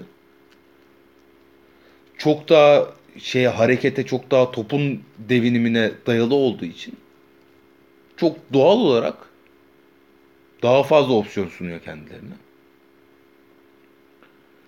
Şeyi de söyleyeyim hani Jim Butler'dan bahsetmişken Kyle Lowry'nin de Philadelphia'lı olduğunu ve Philadelphia maçlarını her zaman işte iyi oynadığını falan onu da hatırlatayım eğer sağlıklı durumdaysa. Dolayısıyla hani yani özellikle Embiid benim beklediğim gibi standartının altında kalırsa olağanüstü bir seviyeye çektiği standartının altında kalırsa ki kaldığım sebeplerden kalmasını bekliyorum ben. Ee, Philadelphia için bayağı zor bir seri olacak. Ama yine de hani e, serinin tartışması en iyi oyuncusu bence. Ee, öyle ya da böyle iki maçtan aşağı yazmak da pek içime sinmiyor. Embiid, Harden, Maxi üçlüsüne. Dolayısıyla 4-2 Miami diyeceğim ben. Hepimiz anlaştık. Galiba bütün tahminlerde anlaşıyoruz şu ana kadar. Phoenix serisinde de anlaştık. Miami'de de anlaştık. Bakalım bir sonraki seride ne olacak? Biraz daha karmaşık bir seri tahmin Bence etmesi en zor çok seri daha... son konuşacağım seri zaten. Evet. Sen buna dedin en zorlandığım seri diye ama benim için açık ara son konuşacağım. Yok bunda yok bu bir sonra konuşacağımızda ben o kadar zorlanmadım. Ama e, değişik tahminler çıkabilir. Geliyoruz. Milwaukee Chicago'yu rahat geçti. Tahmin ettiğimiz gibi bir maç aldı. Gerçi Özgün burada daha çok zorlamasını bekliyordu galiba Chicago'nun ama. E, Chris Middleton'sız olmasına rağmen kazandılar. Geçtiler. İkinci tura Boston Nets'i çok fena yaptı. Paçavraya çevirdi resmen. Yani 4-0 yaptı ve burada da e, aşırı tepkileri konuşacağız. Önce Milwaukee Chicago te- e, serisiyle başlayalım. Nasıl bulgun e, Chris Middleton'sız Milwaukee'yi Aras Bayram? Abi şöyle biz e, son konuştuğumuzda seri yani e, şey diye soru gelmişti. Hmm, hani bir maç kazandılar bir maç kaybettiler. İkisinde de çok şey gibi görünmüyorlardı. Hani şampiyonluk adayı gibi görünmüyorlardı. Bize şey diye konuştuk ya işte e, top indiriyorlar e, şeyde alçak posta Antetokounmpo'ya. İşte oraya ikili sıkıştırma gelince e, zorlandılar biraz işte özellikle kaybettikleri maçta falan filan bilmem ne diye. Ya sonra hani Chicago'da yani işte Alex Caruso'yu kaybetti sonra Zach kaybetti bilmem ne. Ya çok da abi e, Budenholzer'ın gelişimini bir takdir etmek lazım. Şimdi bizim yani çok zorlanıyorlar işte buradan çok yaralandılar dediğimiz işi herif olağanüstü bir silah dönüştürdü. Hiç şey demedi ya Antetokounmpo'ya işte alçak posta ikili sıkıştırma getiriyorlar. Ben buradan ne yapacağım ben bu, bu oyundan uzaklaşayım demedi. Tam tersi bütün hücumunu oraya yıktı. Hem Budenholzer'ı takdir edelim hem de e, pasörlüğünü çok geliştiren Antetokounmpo'yu takdir edelim bu noktada. Oraya oyunu yıktı ve dümdüz etti Chicago'yu. Hiç karşılık veremediler yani. Biz çünkü normalde işte şey diye düşünüyoruz ya Hani ya o kadar pasajı sıkışmış bir yerde en önemli hücum silahını oraya gömdükten sonra ne yapacaksın bu takımda hele hele Middleton'da yokken diye düşünürüz. Bunun oldu tam tersini düşünün. Bu benim çok büyük bir avantajım dedi. Oraya yıktı ve dümdüz etti Chicago'yu. İkisini de takdir ederim. O bir. İkincisi Chicago serisi çok belirleyici bir seri değil. Hani belki şey kısmı konuşulabilir. Ya işte oraya Grayson Allen'ı mı atacak, Pat Connaughton'ı mı atacak, e, ne yapacak falan filan derken 3 tane ayı gibi adamla başlamayı tercih etti. Bob Portis attı oraya. Yani 3'e çekerek. E, yani Portis de Brook Lopez de ikisi de e, şut tehdidi. Grayson Allen acayip bir seri geçirdi. Pat Connaughton son maçı çok iyi oynadı. Oradan yürüdüler ama yani hani e, şey için dediğimizi işte Golden State Warriors için dediğimizi Milwaukee için de tekrarlayalım. Çok belirleyici bir seri değil bu Milwaukee için. Gelelim Boston Nets serisine. Abi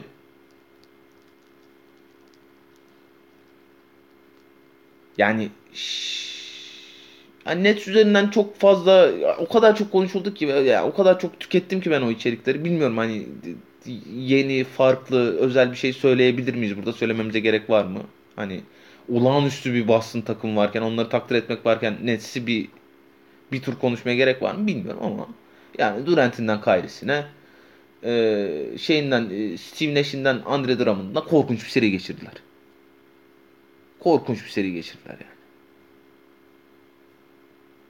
Ben yani ya atar tutarım işte Kevin Durant'i savunmak için. Ya işte koç şöyle yaptı, şunları yapamadı, bunları yaptı. Abi tamam da yani hani. Sen de Kevin Durant'sin be arkadaş. Bir maçta çıkıp alıverseydin ya. Oturuyoruz gece bekliyoruz güzel maç olacak. Gerçi maçlar fena olmadı gene de. İki tane de at da bir maçı da kazan be kardeşim ya. Biz burada atıyoruz tutuyoruz. Baskette böyle bir şey aslında yani biraz. İki tane atsan kazanacak takım işte. Atamadın. Pezevenk. Yok, yok sonra ben tanrıyım da işte bilmem kimin parası yok benim param var çok güzel yaşamda. Siktir git o zaman. Güzel. Ben burada aşırı tahminlere Brooklyn'den başlayayım. Sonra devam edelim. A- aşırı tepkilere. Benim vereceğim aşırı tepki şu. E, sezon içinde şöyle bir şey konuşmuştuk. LeBron James'in playoff kaçırması Kobe Bryant'ın legacy'sine, efsanesine e, güçlendirdi artı puan yazdı demiştik. Bence Kevin Durant'in Boston karşısındaki performansı LeBron'un efsanesini güçlendirdi. Böyle bir performans gösterdi. Bundan neyi kastediyorum? Neden böyle bir şey diyorum? Ya LeBron James şeyi biliyoruz ya zaten hep eleştirdiğimiz nokta da o. Kazanamayacaksa yatıyor. İşte baktı final e, şampiyon olamayacak. Kulağının üstüne yatıyor tam kendini vermiyor. Onu yapmıyor, bunu yapmıyor. Ama ne yapıyor? Sayısını atıyor. Asistini yapıyor. Reboundunu alıyor değil mi? Ya en kaybedeceğini bildiği maçta bile LeBron James %50 ile 28 sayısını atıyor abicim yani. Asistini yapıyor. Hatta bazen daha fazlasını atıyor. Kaybedeceğini bile bile. İşte savunmada eforu daha az göstererek. Kevin Durant 3. maçta kaybedeceğini biliyordu seriyi artık onu görmüştü. Ve ona göre oynamaya başladı. Ama ne oldu? İşte 7 top kaybı yaptı. İşte e, yüzdesini yüksek tuttu ama 10 top kullandı falan filan. E çıktı dördüncü maçta bari süpürülmeyeyim diye oynadığı maçta yüzde 40 da şut attı. Yani e, LeBron'un James'in bence e, efsanesine bir ekleme oldu burada. Vereceğim aşırı tepki bu. En verebileceğim aşırı tepki de herhalde bu olurdu. İtiraz etmem o. güzel. güzel güzel bir yerden okudum bence de mevzuyu.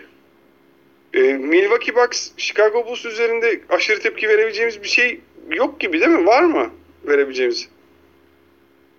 Pek bir şey Abi yok ben ya. e, yani e, ekleme çıkarma yapacaktı Chicago Bulls ama sezon başında da söyledik. Sezona iyi girdi Chicago diye dostlarımız kızdı bize nasıl böyle konuştunuz ya Türk diye. Ben sezon başında da söyledim tekrar söyleyeyim. Ee, ben naçizane demiştim hani benim yani bizim bu programda neyse. Ee, ben Zach Lavin, Demar DeRozan, Nikola Vucevic üçlüsünün üçlü yani o çekirdeğin herhangi bir noktada yani zaten daha ne kadar devam ederler bilmiyorum. Zach Lavin de kontra yenileyeceklerdir tabii ki de. Herhangi bir noktada e, şampiyonluk adayı olduklarını ya da olacaklarını düşünmüyorum. Hele hele Bill Dunn'ın olacaklarını hiç düşünmüyorum. Şampiyonluk adayı çok iddialı hakikaten ya. Yani Abi öyleydi. Yani e, sezon başı ilk 20 maçtan sonra Chicago sezonun evet, en iyi takımıydı. E, Billy Donovan'ın yılın koçuydu. DeMar DeRozan MVP'di. Doğru. Yani De DeRozan bu seviyede oynamaya ne kadar de devam edecek o, o büyük muallak. Vucevic çok e, dengesiz bir topçuya dönüştü yani hiç her, her maç yeniden şey yapıyor yani bilemiyorsun ne alacağını. Ama Lavin'in yani biraz sakatlıklar e, şey yaptı yani. Lavin hakikaten yani şu üçünün içerisinde belki de en güvenilir oyuncu yani. Ama şey yani evet yani Chicago'nun işi zor. Özgün Boston Milwaukee serisi ne olur? Nasıl bir eşleşme olur? Abi Boston Milwaukee işte hakikaten dediğim gibi çok zor yani. Milwaukee Boston şu kadar iyi bir seri geçene kadar e, muhtemelen e, favoriydi. Şu anda bahisler nasıl mesela onu da merak etmiyor değilim. E, yani sonuçta geçen senenin e, şampiyonu e, yani 3 aşağı 5 yukarı aynı kadroyla geliyorlar. Şimdi işte tabii Middleton'ı Bakayım mı? konuşmak lazım. Hı? Bakayım mı? Aynen. Kadro Sesin kesildi ama bakıyorum. Bahislere mi? Bak bak. Ya da kuzenine mi soruyorsun artık? Tabii tabii kuzenime yazıyorum şimdi. yani e, ama şey yani e, bütün bu e, Milwaukee'nin e,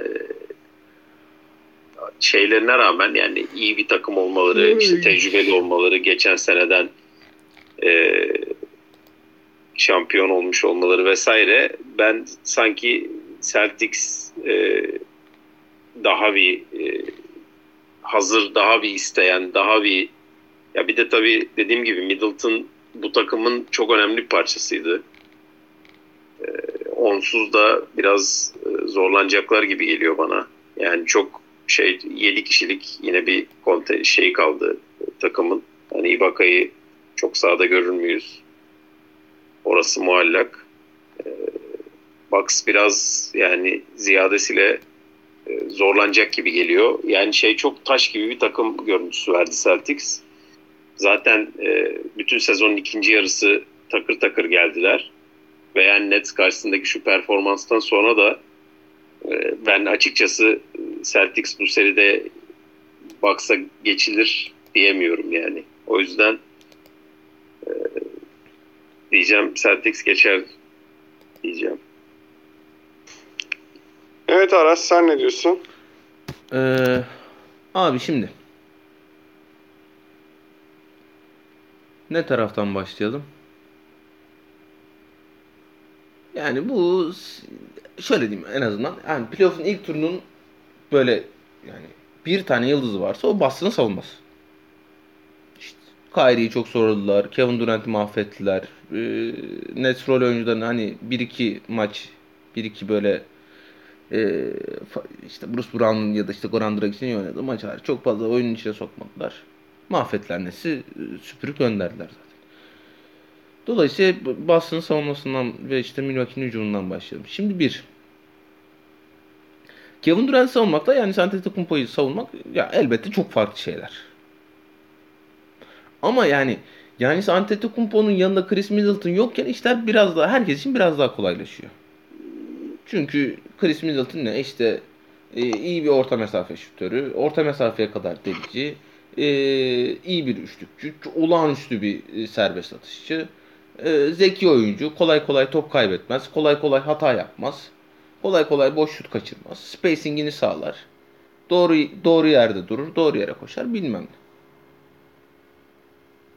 Şimdi bu noktada Yannis'e karşı yapabilecekleriniz Middleton'sız bir ortamda ki oyna, oynaması beklenmiyor.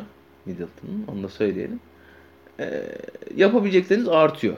Ama şimdi benim kafamda birkaç tane soru işareti var. Bir, Al Horford'un yıllardır Yannis'i çok iyi savunduğu falan söyleniyor. Oo işte Yannis stopper falan. O şey var ya işte. E, Lebron stopper. İşte Lebron please stop no falan. Yani en son Milwaukee ile Boston Celtics karşılaştığında Al Horford savunmaya çalıştı Yannis'i. Ondan sonra iki sene komada yattı biliyorsunuz. yani Boston'a geri gelene kadar ben hatırla yani hatırlamıyorum şey OKC'de falan öyle bir şey miydi? Orada hmm, komaya yatırdılar herifi. yani hani Al Horford birebir çok iyi savunuyor yanlisi falan. Ya savunabilir gene olabilir ama yani hani benim elimde son izlediğim playoff eşleşmesinden kalan benim hafızamda böyle bir veri yok. Hatta işte Kyrie Horford böyle falan ittirip böyle abi dur biraz da ben savunayım falan diyordu hatırlıyorsanız. Hmm. Öyle bir durum söz konusuydu yani. Ha yani bunun nedeni nasılı elbette tartışılır. Yannis iki sene önceki oyuncu değil. O Boston savunması da iki sene önceki savunma değil. Bu Yannis savunma sene önceki işleri. oyuncu değil derken daha iyi daha iyi. Daha iyi. ee, Yannis savunma işleri, Durant savunma işleri işte, LeBron savunma işleri falan filan. Bunlar zaten hani e, illaki birebir üstünden yazılan hikayeler değil. Tam tersi koca bir takımın yaptığı savunmayla zaten belli olan şeyler.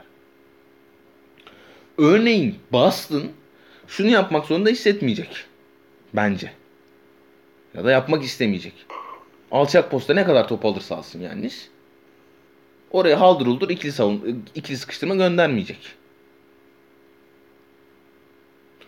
Ama yani Boston'ın o seviyede hani süpürecek kaç takım süpürecek e, seviyede savunma yapabilmesinin birinci sebebi korkunç koştuk bence de karşı taraftan. ikinci sebebi olağanüstü fiziksel üstünlük. Şimdi o fiziksel üstünlüğü koyamayacak Boston savunması.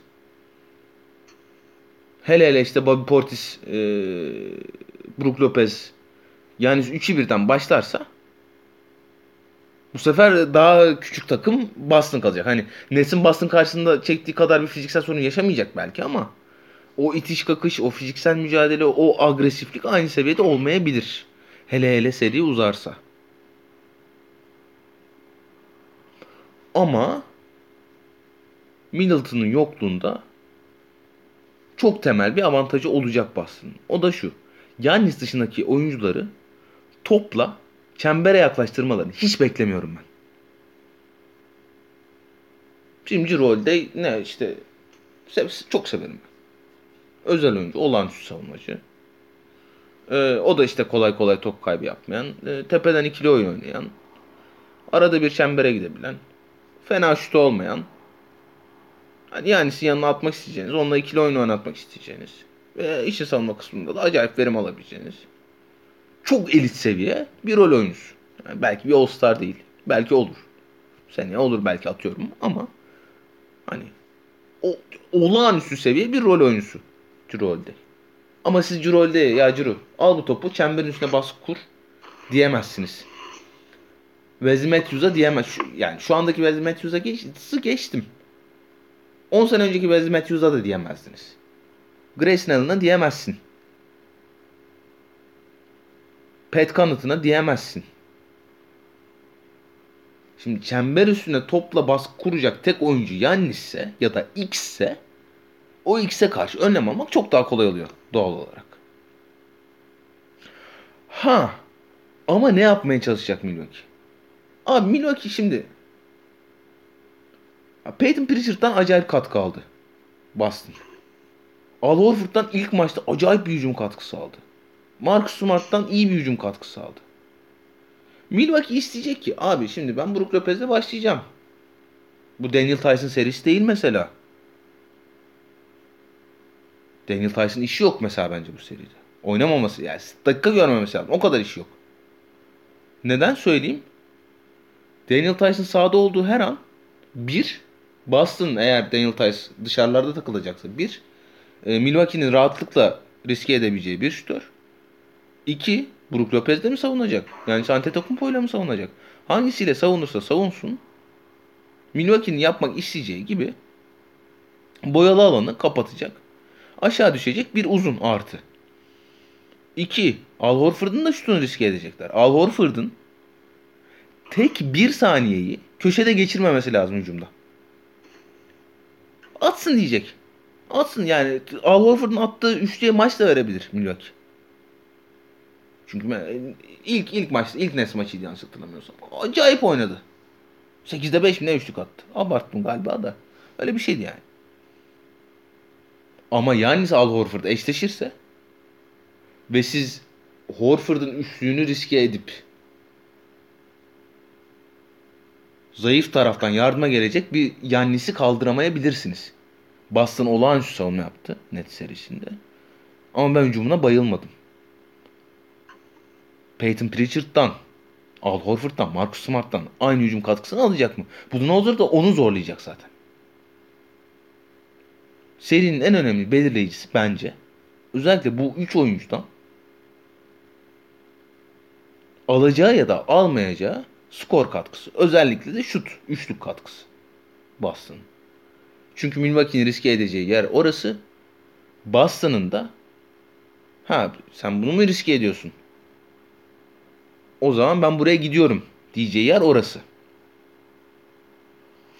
Ama totalde ee, daha sağlıklı, daha iyi görünen, Özgün dediği gibi daha istekli, daha enerjik.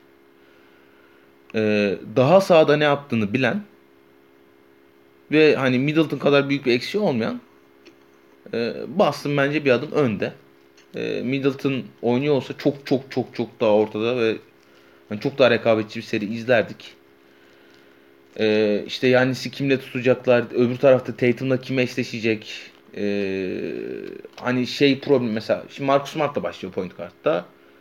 Acaba hani Giroux'u şeyle eşleştirmek yerine atıyorum Jason Tatum'la ya da Jalen Brown'la eşleştirmek yerine Marcus Smart'la eşleştirip şey yapacak mı? Bir tam sağ baskı yapacak mı? Marcus Smart çünkü dünyanın en iyi handle'a sahip, en atlet, en böyle uçan kaçan oyuncusu değil. Tam sağ baskıyla zorlamak isteyecek mi onu? Giroux'u oraya riske edecek mi? Ama yani hani Milwaukee için konuşurken şey bekliyoruz. Ya işte hem Bobby Portis'ten e, katkı alacaklar. Hem Wesley Matthews, Grayson Allen ya da işte oynayacaksa Joe Chill ya da Pat Connaughton'dan birinden katkı almalarını bekliyoruz. Daha şeye falan gelmedim işte. Yannis duvarı işte 3 tane oyuncu diziyor Boston. Arkasında 2 tane libero bırakıyor. Bir Al Horford olsun istiyor. Bir de işte köşeden Robert Williams'ı düşürüyor oraya. Yardım etsin geç hücumlarında Yannis'in o tek başına yaptığı hızlı hücumları engellemek için falan filan diye. Yani sonralarda çok geliştirdi kendini. Acayip pasöre dönüştürdüğü için. Hemen Milwaukee'lerden biri de Yannis'le birlikte koşarak o duvarın arkasına sarkmaya çalışıyor mümkün olduğu kadar mesela ama Milwaukee için seriyi şunlar şunlar olursa geçer diye yazdığımız şeylerin olma olasılığı Boston'ınkilere göre daha düşük gibi geliyor bana. Çünkü Boston'ın hem Marcus Smart'tan hem Peyton Pritchard'dan hem Al Horford'dan hem de Grant Williams'tan onu da ismini zikretmedim onu da söyleyeyim. Önemli olacak hem Yannis'in savunmasında hem e, Boston hücumu için. Hem Grant Williams'ın hepsinden katkı almasına gerek olmayabilir. Bir tanesi de çıkıp maçı alabilir. Attı 3 tane üçlükle 4 tane üçlükle. Bunu olma olasılığı Wesley Matthews'un 12 sayı atmasından daha olası. Pat Connaughton'ın atıyorum Jason Tatum'a karşı oynadığı 10 dakika savunmadan 10 dakikayı savunmadan daha olası. Dolayısıyla ben Boston'ı bir adım önde görüyorum. E, gene ayrılmadık. Ee, bakabildin mi? Abi yok bakamadım. Yani kuzen şey yapamadı uyumuş. Boston favoridir ama ya. Yani değilse çok şaşırırım. E, ben de Boston diyorum. E, 4-1 diyeyim hadi. Daha ilginç bir oradan bir farkım olsun. 4-2 diyorum ben. Ee, Özgün 4 Güzel. Ee, bütün tahminlerimizi yaptık. Bütün serilerimizi konuştuk. Herhalde ikinci turun ortasında bayram durumuna göre nerede insanlar bilmiyorum. Ee, bayramın durumuna göre bir tane daha podcast en kötü ikinci turun ortasında yaparız diye düşünüyorum. Bir sonraki bölümde görüşmek üzere. Hoşçakalın. Hoşçakalın. Aa çok ani oldu lan bir dakika. Allah. Ee, bir şeyler anladın. Arda şey nasıldı? Northman nasıldı ya? Bir anlasana nasıl bir filmdi ya Northman. Ya Northman şöyle çok acayip bir aç- açılışı var. Muazzam. Direkt e, şeyi hissediyorsunuz. O Light, e, Lighthouse'u seven varsa Lighthouse etkisinde açılıyor. Fakat daha sonra e, skeçlere dönüşüyor neredeyse.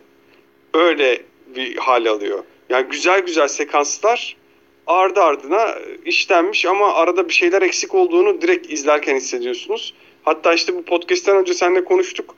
Yönetmeni şey demiş. Arada uçurula, uçurulmuş sahneler var demiş. Ee, şey, şey şaşırmadım hiç. O bir tane yönetmenin süper kahraman filmi miydi neydi? Snyder'ın. e, Snyder. Ee, aynen. Öyle bir, şey, öyle bir şey gelir mi?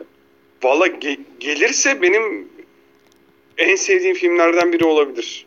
Çünkü film aslında çok çok iyi sekanslara sahip ama işte dediğim gibi büyük büyük bölümler eksik. Yani bir, bir buçuk saat eksik olabilir o filmden. Abi, Öyle görünüyor. Ya niye böyle bir şey yapmışlar? Hakikaten çok acayip. Abi 4 saatte bir şeyi vizyona koyamazsın onu da anlıyorum da e, baştan ona dur deselermiş. Yazmış Aynen, adam ya ve çıkarmışlar. Niye böyle plan? Vallahi o da olurmuş. Ya bence bu aslında e, konu olarak böyle Netflix serisi, Amazon serisi falanmış da e, kısmışlar bu hale gelmiş. E, keşke uzun bıraksalarmış. Gerçekten üzüldüm. Ya 10 üzerinden 10 verilebilecek bir film idi açıkçası.